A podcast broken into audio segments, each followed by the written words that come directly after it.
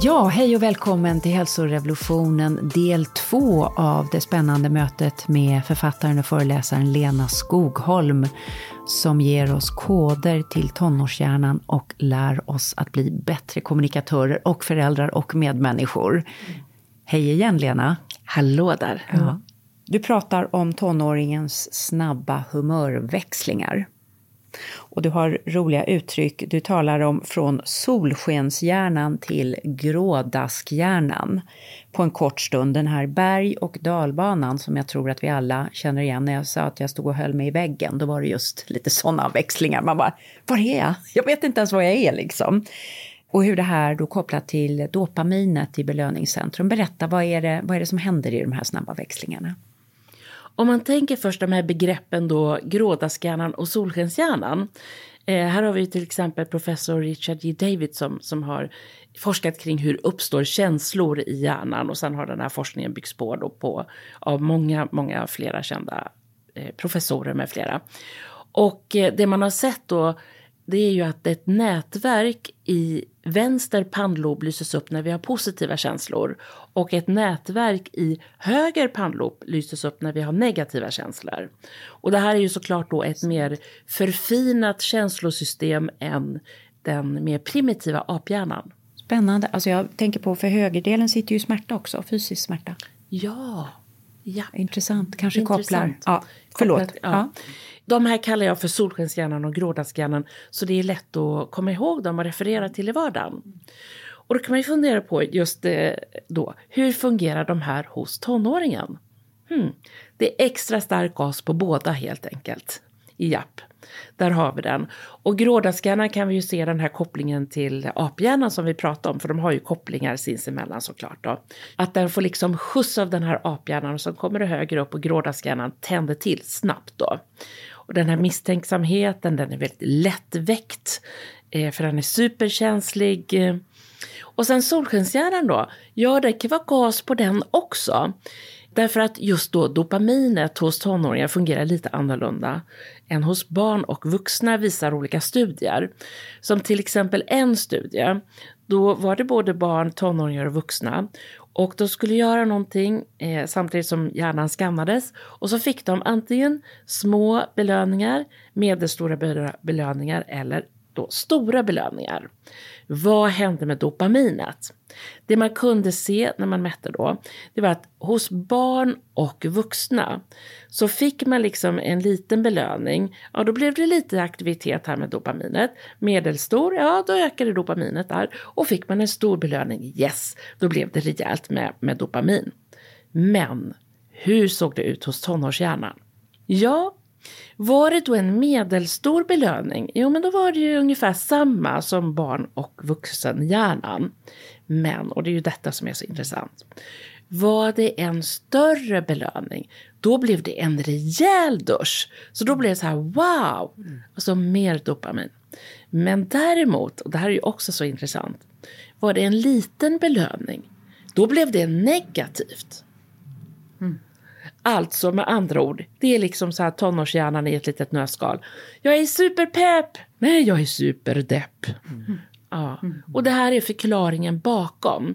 Det vill säga att tonårshjärnan har egentligen ett underskott av dopamin. Men det ökar desto mer när man gör någonting som kickar igång det, vid belöningar till exempel. Och det här är ju bland annat för att tonåringen ska våga ta sig ut ur flocken. För när vi söker nya ställen, man kan kalla det här, jag benämner tre motivationssystem, hotsystemet, eh, det utforskande eller prestationssystemet kan man kalla det också. Och sedan trygghetssystemet. Du har färger för det också. Ja. Rött, blått och grönt är det du gör det va? Exakt. Den ordningen. Mm. Hotsystemet rött och eh, det utforskande prestationssystemet då blått och sen har vi det gröna trygghetssystemet. Och vi behöver ju utforska under tonåren för att lämna flocken. Mm. För är vi kvar i det gröna systemet, ja men det känns ju jättebra att vara här. Då sitter man hos föräldrarna hela livet. Ja, ja. toppen! Ja. All inclusive. Ja, ja, Ett tag till. Yes. Så vi behöver det och det är liksom motorn som där, men jag vill ha dopamin egentligen, grunden här då. För när det blåa utforskande systemet drar igång då ökar det dopaminet som styr det. Mm. Så där har vi en förklaring till det. Mycket intressant. Men vad det här betyder för omgivningen, föräldrar, lärare, eh, kompisar, det är en människa som är i en ganska snabb berg och dalbana, snabba känsloväxlingar. Då blir ju den vuxna eller den närvarandes roll att stärka upp de lite mer peppiga resorna av den här berg och dalbanan, att stötta solskenshjärnan. Vad gör man då? Då tänker jag två perspektiv på det här. För tänk nu, och det här gäller egentligen oss alla, att vi har vår grådaskhjärna och solskenshjärna. Och så kommer vi ihåg att hjärnan är lika formbar som muskler på kroppen. Betyder i praktiken att vi kan träna upp grådaskhjärnan så den blir stark, men också vi kan träna upp solskenshjärnan mm. så den blir stark. Mm. Hjärnans plasticitet som mm. kanske är bekant då. Och därför kan vi genom vårt sätt att uttrycka oss Alltså i varje möte har vi en chans att bygga tonårshjärnans solskenshjärna starkare. Medvetenheten om det och effekten av att göra det i varje möte går inte att underskatta, säger jag. För när vi gör det, dels så bygger vi ju i själva mötet tonåringens solskenshjärna starkare. Det vi säger till tonåringen det man har hört med sig från barndomen, det blir ju en inre dialog man har med sig, eller hur? Och då får tonåringen med sig en inre dialog som stärker solskenshjärnan på sikt. Så det är nytta både i nutid och framtid. Så då har vi det förebyggande, att man liksom matar på med detta. Och det här är uppstår, jag måste inflika det direkt. Det här handlar inte om att vara någon sån här clowngubbe som dyker upp i en låda. Yes, foten i kläm, jajamän, nu kör Cool fact a crocodile can't stick out its tongue. Also, you can get health insurance for a month or just under a year in some states. United Healthcare short term insurance plans, underwritten by Golden Rule Insurance Company, offer flexible, budget friendly coverage for you. Learn more at uh1.com. There's never been a faster or easier way to start your weight loss journey than with PlushCare. PlushCare accepts most insurance plans and gives you online access to board-certified physicians who can prescribe FDA-approved weight loss medications like Wigovi and Zepbound for those who qualify. Take charge of your health and speak with a board-certified physician about a weight loss plan that's right for you. Get started today at plushcare.com slash weight loss. That's plushcare.com slash weight loss. plushcare.com slash weight loss. Hey, it's Ryan Reynolds, and I'm here with Keith, co-star of my upcoming film, If, only in theaters May 17th. Do you want to tell people the big news? All right, I'll do it. Sign up now and you'll get unlimited for $15 a month in six months of Paramount Plus Essential Plan on us. Mintmobile.com slash switch. Upfront payment of $45 equivalent to $15 per month. Unlimited over 40 gigabytes per month. Face lower speeds. Videos at 480p. Active Mint customers by 531.24 get six months of Paramount Plus Essential Plan. Auto renews after six months. Offer ends May 31st, 2024. Separate Paramount Plus registration required. Terms and conditions apply if rated PG. Vi fortsätter vårt roliga betalda samarbete med Bosch. De har precis kommit ut med sin nya köksmaskin, serie 6, som har fått en naturlig plats i mitt kök. Att baka gör mig lugn. Jag har länge tänkt att jag vill baka oftare. Och nu har det blivit mycket enklare, tack vare serie 6 med sina smarta sensorprogram. Och den här gången valde jag ett recept ur din kokbok, Maria. Vad glad jag blir. Berätta, vad valde du? Jo, men jag ska baka din mormors härliga recept på Earl Grey-kex. Som då kommer från Hälsorevolutionen, kokboken. Och för det här receptet så rekommenderar du just en köksmaskin eftersom det är ganska många ingredienser. Så därför har jag dragit mig för att eh, baka de här. Det har känts lite knepigt och svårt eftersom jag inte haft någon egen köksmaskin tidigare. Och så här lät det. Ja, nu har eh, serie 6 köksmaskinen fått eh, jobba på här ett tag och eh, det har blandats ihop eh, till en perfekt liten eh, smulsmet här. De innehåller havregryn, smör, bovetemjöl, bakpulver, havssalt, eh, citronzest, ingefära blötlagda Earl Grey-teblad och sen kallt Earl Grey-te och honung och till sist kakao-nibs. Ja, ni fattar, det här kommer att bli så himla gott. Ja, men det här är så kul och min mormor hade ju tyckt det här var fantastiskt. Hon var ju alla de här ingredienserna och det här med, med ett litet bra kex och en kopp te. Det var liksom väldigt mycket hon. Jag tror att hon drack 16 koppar te varje dag och just tekex var liksom lite specialitet ja. för henne. Det jag uppskattar särskilt med serie 6 nu när jag har bakat med den några gånger det är till exempel eh, den enkla funktionen att man kan väga ingredienserna. Både ovanpå köksmaskinen och direkt i skålen. Och sen de sju olika sensorprogrammen eh, som är, passar allt från när man bakar med jäst till att man vill vispa grädde eller maräng eller något annat. Och eh, den här gången när jag gjorde Earl Grey-kexen så hade jag program nummer fyra som funkade perfekt just för detta. Och det är en unik 3D-rörelse som gör att alla ingredienserna fångas upp liksom från botten och blandas väl.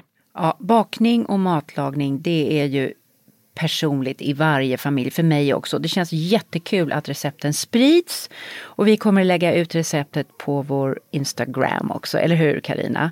Ja, hur blev kexen förresten, Earl Grey-kexen? Ja men så himla goda med den här citronsmaken mm. i kombination med Earl Grey-teet. Man kan få testa köksmaskinen serie 6 i hela 100 dagar.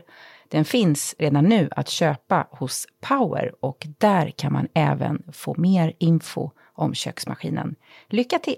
Vi, eller kasta konfetti liksom. All, jag känner mig jättedålig. Ja, men du ska se till att det blir bra, hurra. Nej, alltså det blir ju hemskt. Utan hur ska man prata då, så att det blir bra? Det handlar i grunden om att hjälpa tonåringen att få sitt fokus på det som är liksom solskenshjärnans melodi. Till exempel om vi är med om någonting. Man kanske har haft en fotbollsträning och allt gick bra utom en sak. Mm, ja. Mm. Typiskt, då är det den där saken som inte gick så bra som ska hålla på och tänkas på. Mm. För grådascanern funkar så. Mm. Den ska liksom ta herravälde över huvudet. Då kan vi hjälpa till genom att ställa frågor. Aha, jag förstår att det här var jobbigt, men du jag undrar, vad gjorde ni med på träningen idag? Ja, du brukar ju vara så bra att dribbla. Hur gick det med dribblingen idag? Vilka var det mer som var där idag? Eh, vad gjorde ni mer efter det? Mm. Alltså att man hjälper till och ställer frågor. Du förresten, du är ju så bra på att dribbla och du har ju varit det i alla år. Du, vad är det som gör att du är så bra på det egentligen? Men du, vilka styrkor är det du använder dig av när du har utvecklat det här? Mm. Men du, vad säger det om dig som fotbollsspelare egentligen att du är så bra på att dribbla? Mm. Märker ni vad som händer? Mm. Man låter solskenshjärnan komma till tals man hjälper tonåringens människa att titta på sig själv också mm. i en slags helhet. Mm. Sant. Ja. Att, att, blicka över den större mm. bilden. Yep. Ja. Men om tonåringen ändå säger men, äh, låt mig vara, sluta vad många frågor du ställer. Vilket kan hända, vad gör man då? Då erbjuder man ett äpple. jag hämtar ett äpple. ja. ja, vad säger man? Du har rätt, det är självklart du ska få vara. Ja, och så backar man lite och sen kan man ställa frågor om ett tag igen. Ja, ja mm. exakt.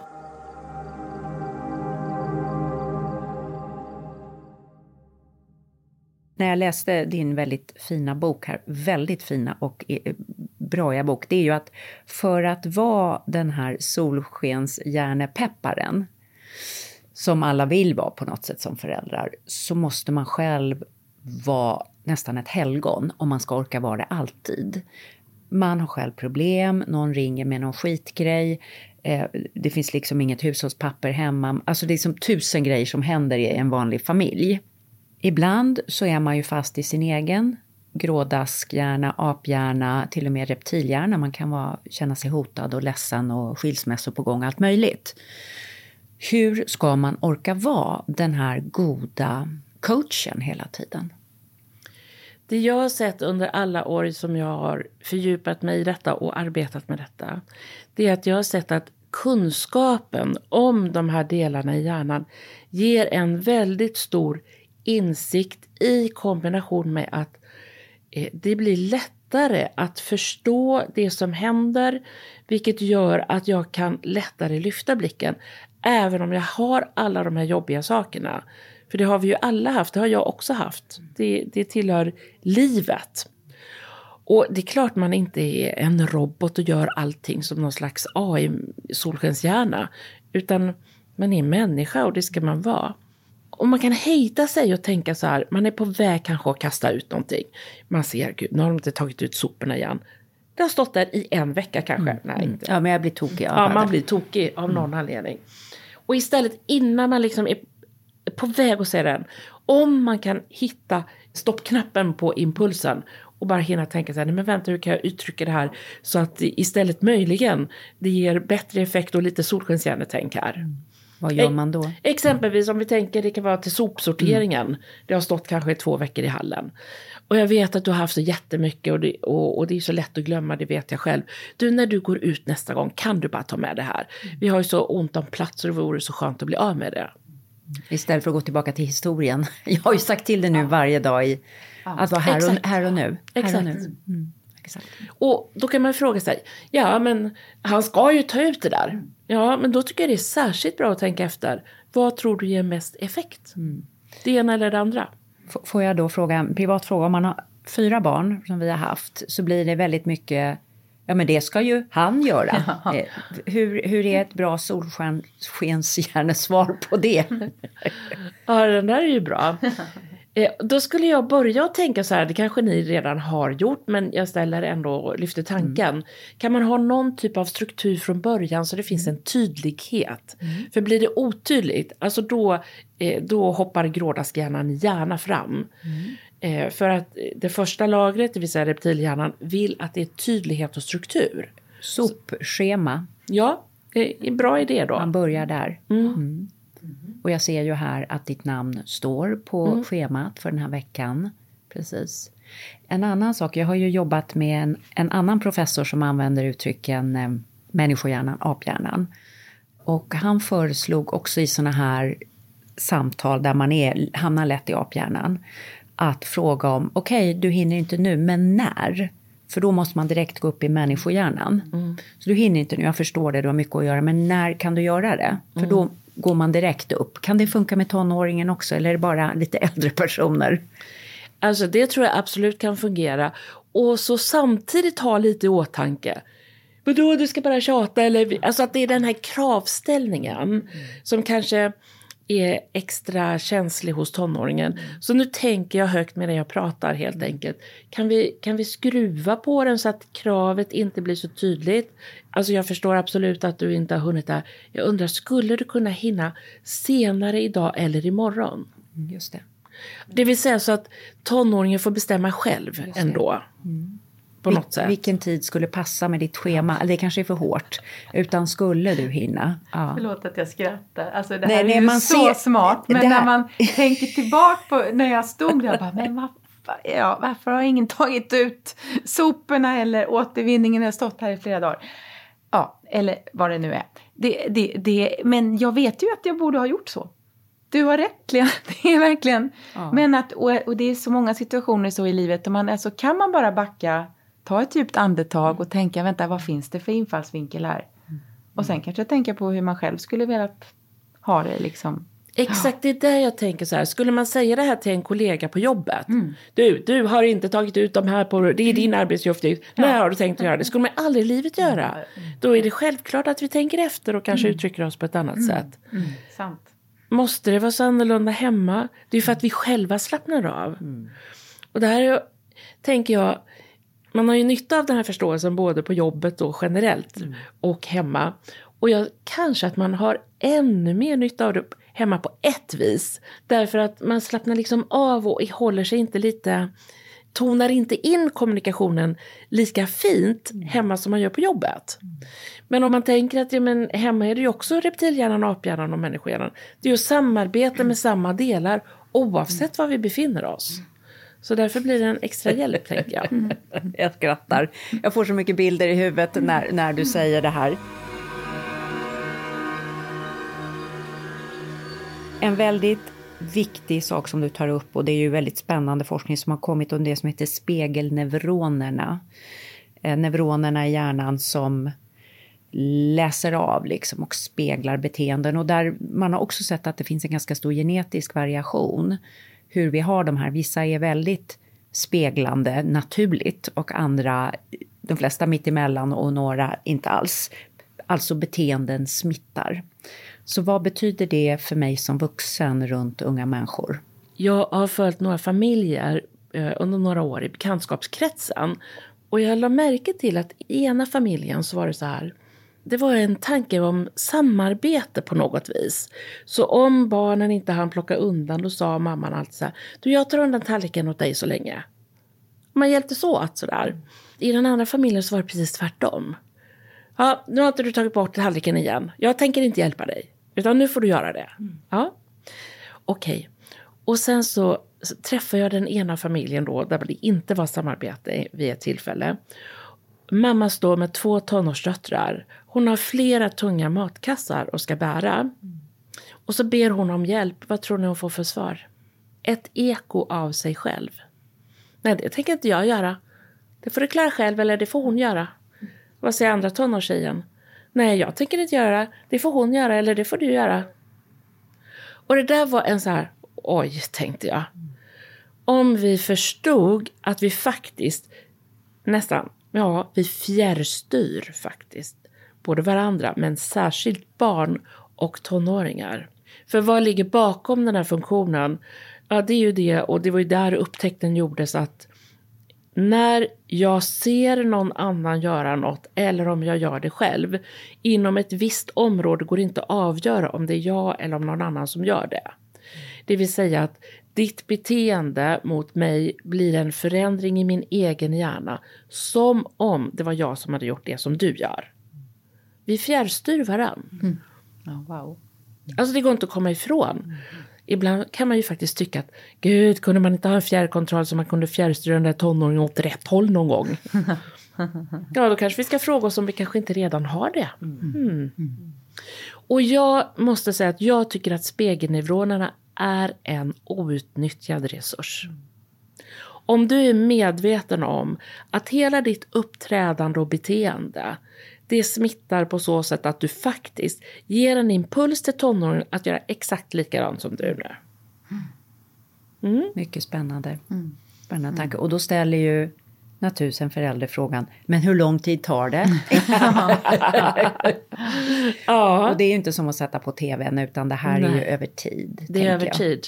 Och sen kan man också tänka så här att man, man försöker med det här då, man försöker säga på något bra sätt att ja, men nästa gång kan ni tänka på det här till exempel. Och man ger som en liksom, liten karta över hur man önskar där eh, för att väcka de här tankarna. Men du får kanske inget svar från tonåringen utan man så här, något mutter. Ja men hallå, hör du mig eller? Är det inte någon bra idé att säga då? Utan bara låt det vara. För inte osannolikt att tonåringar gör det man ber om nästa gång. Så man behöver inte vänta på att man ska få direkt. Ja, mamma, jag ska göra så. Utan låt hjärnan sköta jobbet skulle man kunna säga. Have trust. Ja, ha tillit. Exakt, ja. Exakt. Får jag fråga dig, som föds för tankar när du berättar det här. Alltså om man är, lever ihop, ett, en parrelation och den relation man har med varandra och, och den färg den har, liksom den Finns det tillit? Finns det kärlek? Finns det ömsesidighet? Finns det hjälp? Hjälpa varandra? Hur påverkar det barnen? Vad är det? Är det liksom, vem är bäst, du eller jag? Jag har sett det i familjer och det föder vissa grejer hos barn snarare än om föräldrarna liksom är ett team och jobbar ihop kring saker. Vad tänker du om det? Dels har vi spegelneuronernas funktion som alltid finns i botten. Man ser andras beteenden och det blir ju som presumtiva handlingsförslag för mig att göra.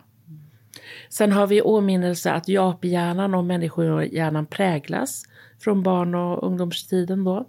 Och eh, då lär jag mig, aha, det är så här man ska bete sig i vardagen för att det ska bli bra. Det är så här jag ska relatera i flocken. Det är som att man får ett operativsystem inprogrammerat i hjärnan från andras beteenden faktiskt. Mm. Och apropå det här att man kan känna att eh, tonåringar kanske inte lyssnar på en som förälder. Men då tycker jag man ska vara tacksam. För då är det så att tonåringen funkar precis som biologiska eh, utvecklingen har sett till. Vi är programmerade att när vi blir tonåringar sluta att lyssna på mammas röst. Precis som att vi är programmerade att lyssna på mammas röst när vi föds som barn, små bebisar. Då är vi extra lyhörda mot den. Men det finns alltså studier som visar att man lyssnar mer på främmande röster under tonåren än på mammas röst. Så kom ihåg det alla mammor som lyssnar. Gud Om- vilken bra påminnelse. Så, och det, har, det här pratar man ju inte, det här glömmer man ju helt bort. Ja, men vi behöver det här hjärnperspektivet. Ja. Eh, och det blir ju logiskt också det du talar om att våga rikta sig från. Vi kan inte heller gå i våra föräldrars band hela livet. Vi behöver rikta om och nytt. Det är också livet. Och detta är inga konstigheter egentligen. Det är bara ren hjärnlogik.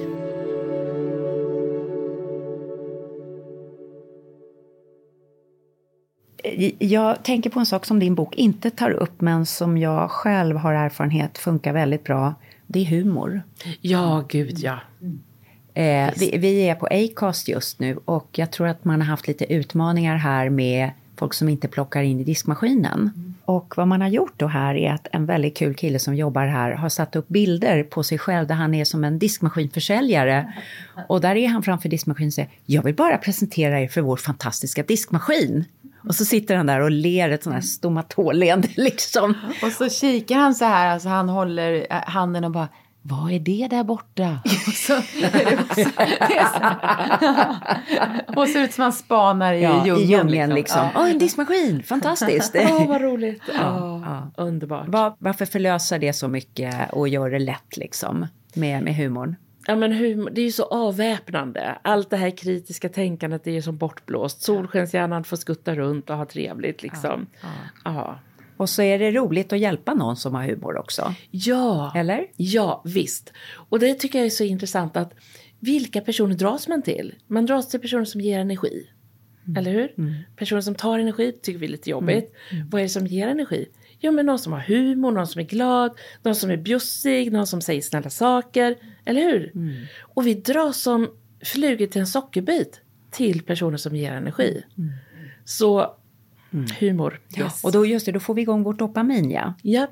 Just det, och då med lite dopamin fyller man i diskmaskinen på en sekund. Ja. Eller två. Precis, smart, smart. Ja. Du, du har väldigt många tankar om det goda samtalet med tonåringen och du ger otroligt mycket. Det här är ju en handbok du har skrivit verkligen för både föräldrar och alla som arbetar med barn eller tonåringar. Men vad kännetecknas det goda samtalet av? Det goda samtalet tänker jag, det handlar ju om dialog som den stora rubriken. Och hur kan vi stega ner i det?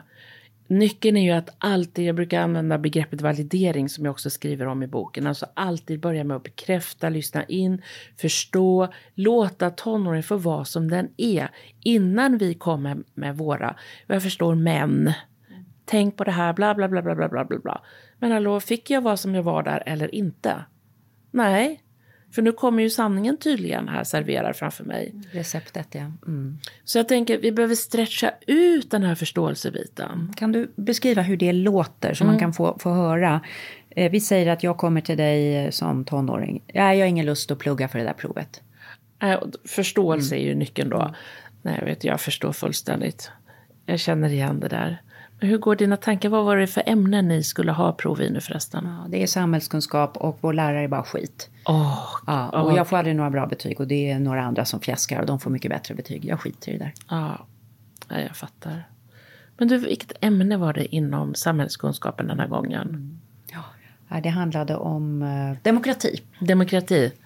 Ah, ah, ah, det är ju intressant, men jag förstår ju absolut känslan av att det är... Ja, du har haft så mycket omkring det nu också. Sådär. Vad tänker du? Demokrati kan man ju tänka på på olika sätt. Jag tycker begreppet är ganska intressant. Om, om, om, vi, om vi bortser bara från provet, liksom, hur skulle man kunna tänka om demokrati?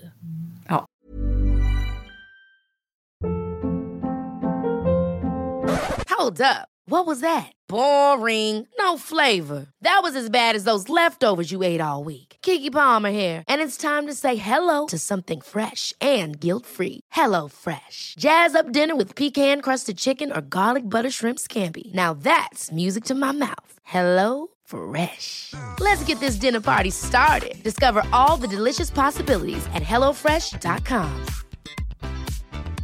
Hey, it's Ryan Reynolds, and I'm here with Keith, co star of my upcoming film, If, only in theaters, May 17th. Do you want to tell people the big news? All right, I'll do it. Sign up now and you'll get unlimited for $15 a month in six months of Paramount Plus Essential Plan on us. Mintmobile.com slash switch. Upfront payment of $45 equivalent to $15 per month. Unlimited over 40 gigabytes per month. Face lower speeds. Videos at 480p. Active Mint customers by 531.24 get six months of Paramount Plus Essential Plan. Auto renews after six months. Offer ends May 31st, 2024. Separate Paramount Plus registration required. Terms and conditions apply if rated PG. Life is full of what ifs. Some awesome, like what if AI could fold your laundry? And some, well, less awesome, like what if you have unexpected medical costs? United Healthcare can help get you covered with Health Protector Guard fixed indemnity insurance plans. They supplement your primary plan to help you manage out of pocket costs. No deductibles, no enrollment periods, and especially no more what ifs. Visit uh1.com to find the Health Protector Guard plan for you. Och så vidare. Ja, och, så och så går, vidare. och så går du liksom i, Ja. i och tar ett samtal om och flyttar lite vid sidan om också, själva känslan. Du försöker flytta, validerar aphjärnan och försöker flytta upp i människohjärnan. Är det det du tänker att du gör? Just här kom jag in på det Mm. för att det kändes som att en, en väg att kunna gå. För det är ju ingen idé att börja ha en, en boxningsmatch här. Att du tänker inte plugga och jag säger jo du ska plugga. Mm. Du och så måste är, plugga, ja. Mm. Ja du måste plugga, då är ju boxningsmatchen igång. Och för den delen kan man överhuvudtaget bestämma exakt över vad någon ska göra egentligen. Sen gör ju tonåringen som den vill ändå. Okej, man kan tvinga, man kan hota, bla bla bla och sådär. Men frågan är, är det så vi bygger självständiga, egentänkande, med- medvetna vuxna? Nej, det är tvärtom. Och det är där jag tänker, det är ju det tänkande, egna tänkandet. Så här kändes det bra att förflytta lite för att hitta någon tråd som man kunde nappa på. Var min plan här då om vi skulle komma eh, framåt. Eh, Jag tänker att när man som förälder går in i eh, ett icke-lyssnande, lite dömande, du vet sådär. Nu kommer sanningsägaren. Så är det ju ganska ofta ens egna rädslor som är drivande. Eh, till exempel om ett barn kommer säga jag har ingen lust att plugga. Eller jag vill lägga av skolan. Då är man ju rädd för att det inte ska gå bra för barnet och då blir man, får man svårt att lyssna. Hur kan man i en sån situation få syn på sin egen rädsla? För det är ju först när man har fått det som man också kan sätta sig på den lite grann. Vad, vad, vad kan man göra då? Det här tror jag är jättemånga av oss som känner igen oss i. Både vi och tonåringar itutare. Får man inte de bästa betygen så kommer man inte till den bästa skolan eller någon bra skola åtminstone. Och så går hela livet åt helvete. Och så är det ju inte. Vi behöver för det första öppna våra ögon och förstå att det är inte så. Det är bara något som vi itutade på något konstigt vis. Eh, och sen kan man ju då ta exempel och fundera över hur det har gått för andra. Ja, till exempel Anders Borg, före detta finansminister. Han var väldigt trött på skolan så han skippade den. Men han kunde ju plugga in på komvuxen. Och sen gick det ganska bra. Jag har själv i bekantskapskretsen ungdomar, det gick så här snett, man hoppade av. I princip sluta i åttan och gå i skolan. Ja, men sen så gick det ju jättebra att sälja räkmackor i Smögen. Så bra så att nu är han en liksom, storföretagare inom den branschen. En annan tonåring höll på att hamna på glid och det var lite kaotiskt på flera olika sätt. Ja, en lärare trodde på honom och sa Jag tror på dig. Det vände den ungdomen. Och eh, idag jobbar han själv med att stötta andra ungdomar. Så jag, jag tänker så här, luta oss tillbaka. Eller att man sitter och spelar dataspel, vilket inte är så ovanligt nu för tiden. Eh, och man tänker nu måste du ut och du måste göra det och du måste göra det. Och ska man känna panik som förälder själv. Det känner många föräldrar igen. Ja. Man tittar in i det där mörka rummet Ja. eh, och skriker stäng av datorn. Ja. Mm. Och återigen kan vi liksom bredda vårt tänkande och tänka att det här är en period. Kanske behöver ungdomen det här just nu. Det finns många orsaker till varför man gör det. Det kan man nysta i. Och sen kan vi också tänka att en annan bekant till mig, han satt hela sin tonårstid och spelade. Idag har han ett väldigt fint attraktivt arbete, fru och barn och Volvo. Så kan det gå. Eh, och det finns många, många, många sådana exempel som vi behöver ha i huvudet samtidigt. Inte vara så snäva liksom. Och att, att, att titta lite bredare och titta på so det sakliga läget också. Ja. Hur mycket dataspel spelas det? Det som man kan tycka hela tiden kanske är två timmar om dagen. Det är en Ja. väldig skillnad på hela tiden. Och, ja. Och förstå att nu umgås man på ett helt annat sätt än när jag var ung. Ehm, och att det finns många anledningar som kan ligga bakom det här också beteendet. Och är det bara spelande på nätet, det kan vara mycket andra saker. Så att ja, det gäller att bredda tankarna. Samtidigt så behöv, vill jag fråga dig då, för att om du har en tonåring där aphjärnan är så rikligt utrustad nu på att läsa av ansiktena hos andra människor, amygdalan är ju igång med det. Och så har vi nu plötsligt en kommunikation som sker utan ansikten via sociala medier. Vi är ju gjorda för att bara ha kommunikation med människor vi såg. Man kunde inte stå och skrika med varandra mellan dalarna mer eller mindre. Det var, nej. Men nu skickas det sms liksom, eh, och, och grejer på Twitter och vi ser inte ansiktet på den som har skickat och vi ser inte heller ansiktet på den som ska läsa det vi själva har skrivit. Vad betyder det här ihop med ungdoms... med tonårshjärnan? Om man pratar generellt sett om kommunikation i skrift, eh, skillnad mot när vi ses. Jag brukar ta, det här är lite förenklat men ändå det blir tydligt. När vi ses tänker jag att vi har som fyra kanaler att sända på. Vi har orden förstås, vi har tonfallet, men vi har också må, vår mimik och hela kroppsuttryck. Och allt det där kan signalera någonting då. Men i telefon, om vi tar det först, ja men då har vi två, det är orden och tonfallet. Då vet vi att vi behöver ha, skruva upp tonfallet för att det ska låta lika vänligt som när vi ser varann. Och sen då är det skriftligt, då är det bara orden. Och det är därför vi behöver alla emojis. För att de ska visa känslan bakom det hela då. Och om jag inte vet, på ett generellt plan nu, om jag inte vet hur någonting ska tolkas, då tolkas, alltså om jag inte får en emoji kan man säga, utan det bara är neutralt, då tolkar det mer negativt. Så vi behöver ju ha en känsloklang. Och det är därför det är så viktigt med de där emojisarna, eller har du plockat ur diskmaskinen? Om man läser det bara, utan emojis, utan någon typ av styrning, då är det så här, men gud vilket tjat, liksom, nu är hon på mig. Eller han är på mig. Men då behöver kanske emojisen dit och sen kanske vi skriver Du jag bara undrar för att jag, jag behövde veta. Och ett litet hjärta efter. Ja, Ja, och jag förstår om du inte har hunnit men har du plockat ur diskmaskinen? Så vi behöver vara mer omsorgsfulla om vårt eh, sätt att kommunicera kan man säga i, Fint, fint. i skrift. Då. Ja, fint, fint tänkt. Du, om man eh, lyssnar på det här och läser din bok eh, och inser att man kanske inte i 100% har varit den förälder man skulle vilja vara, kanske 50 procent, men eller 60, är det kört då? Absolut inte. Och det vill jag understryka till alla oss. För att alla har vi gjort saker som vi önskar vi kanske hade gjort bättre. Och så har det varit för alla föräldrar i alla generationer, tänker jag. Vi vet att hjärnan är jätteomformbar. Det var som en hjärnforskare sa så här. Hjärnan är som gelatin. Alltså allt är möjligt att förändra. Så om det har hakat upp sig i någon relation, då kan vi laga den genom att lyssna in och bekräfta och förstå. Det är ju det som är nyckeln för att laga. Eh, om jag säger så här, nej men om tonåren tycker att nej men du gjorde det här och det här. Nej, det gjorde jag inte alls. Ja, då lagar man ju inte. Utan då får man ju acceptera och lyssna och ta emot det som sägs. Och kanske be om ursäkt om man känner att man vill det. Det är ju det som är nyckeln. Om jag börjar förklara, ja men jag menar ju så här och så här och så här. Ja, men då byggs ju inte heller en lagningskit på relationen. Utan det är ta emot, bekräfta. Det är det som lagar. Och när den lagas då har vi ju en ny relation här. Och vi alla vet ju också att relationer kan vara bra. Och så händer det något som gör att de inte var bra. Ja, då är ju den avklippt. Och det vet vi ju väldigt tydligt allihopa, eller hur? På samma sätt kan vi tänka tvärtom. Har det varit lite skav så kan vi också laga den. Och det tycker jag är härligt. Mm. Ett fint, fint och humanistiskt budskap. Mm. Lena vill önska dig lycka till med din mission och din viktiga nya bok. Jag tror att den kommer läka och laga många relationer och stötta många tonåringar i slutändan och bli sitt bästa jag. Tack så jättemycket. Mm.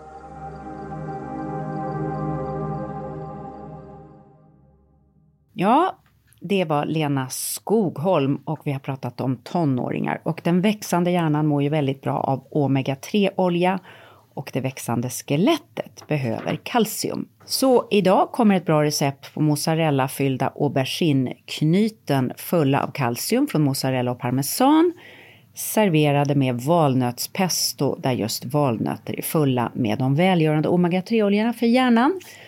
Så det här är liksom lite gott för tonåringar när man inte bara vill hamna i, eh, i hamburgarna, mm. utan lite, lite mys. Mm.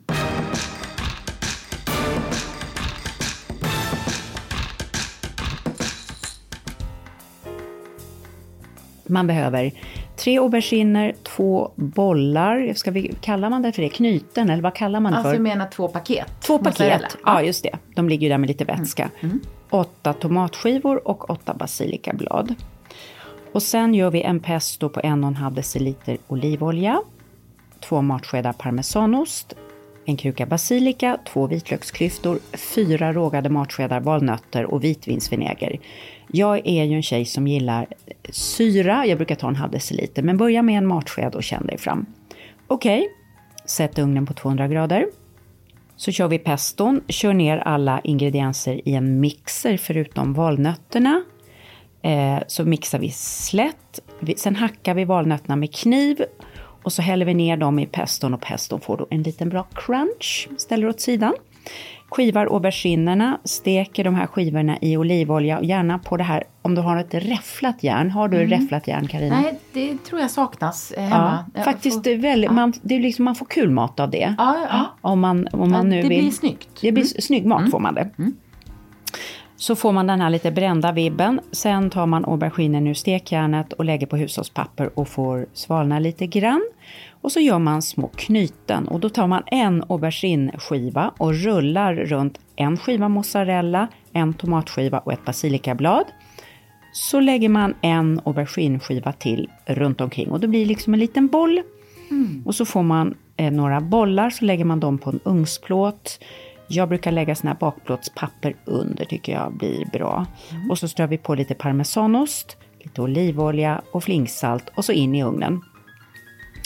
Och så låter man bollarna baka tills det börjar sippra ut lite smält ost genom springorna. Mm. Det är mozzarellan mm. som smälter och så blir ju parmesanen lite brynt. Det brukar ta en 25 mm. minuter ungefär. Mm. Får jag bara fråga, du skär alltså aubergineskivorna på längden? Jag skär dem på längden så man ja. får såna här långa. långa. Och, det, och, och, det sa du kanske? Så för det är då ja. man kan liksom rulla dem. Ja. Och serverar man som det är eller med kyckling eller kanske köttbullar som en liten upppeppad mm. köttbulle. Mm.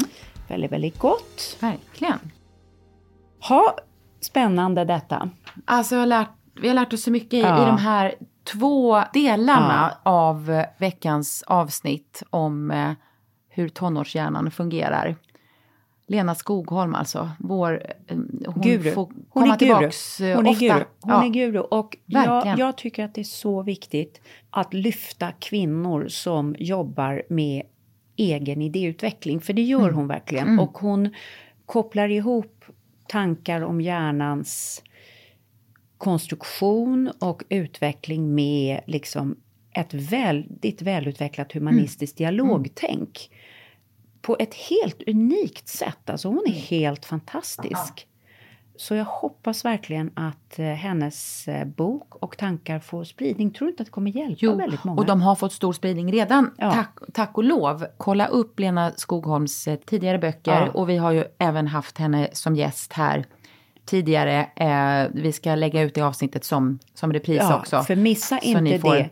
Hon är fantastisk. Det arbete hon lägger ner på att förbättra vår mänskliga kommunikation. Mm. Och jag vet att hon har föreläsningar. Eh, ja, där man oh ja, hon är en av, en av Sveriges mest eh, anlitade föreläsare ja. så det är väldigt, väldigt eh, kul. Ja, och det är för att det är så användbart. Mm. Och att det jag också tycker, därför att det finns de som pratar om hjärnan och det gör man mm. för sig. Mm. Och så finns det de som pratar om dialog och kommunikation och det gör man för sig och båda sakerna är jättebra. Men att just sätta ihop det på det här just det. sättet är så intelligent och så humanistiskt. Så um, det här är väldigt, väldigt spännande att följa hennes arbete. Ja. Mm. Så tack för att du har lyssnat. Vi hoppas att eh, du kan ha lite fler bra snack med de tonåringar du har omkring dig, även om det kan flyga en stol eller två, Ja. kanske. Man vet aldrig, Man vet aldrig vad som kan hända. Och eh, följ oss gärna på Instagram där vi heter halsorevolutionen-podcast. Och gå gärna tillbaks i vår katalog av eh, avsnitt.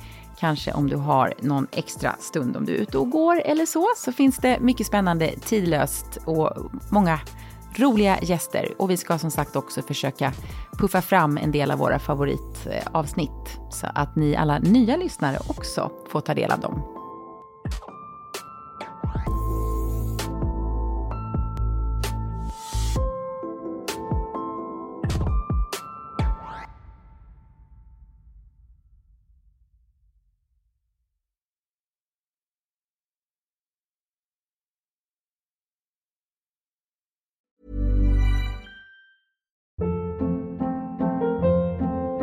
Hold up. What was that? Boring. No flavor. That was as bad as those leftovers you ate all week. Kiki Palmer here, and it's time to say hello to something fresh and guilt-free. Hello Fresh. Jazz up dinner with pecan-crusted chicken or garlic butter shrimp scampi. Now that's music to my mouth. Hello Fresh. Let's get this dinner party started. Discover all the delicious possibilities at hellofresh.com.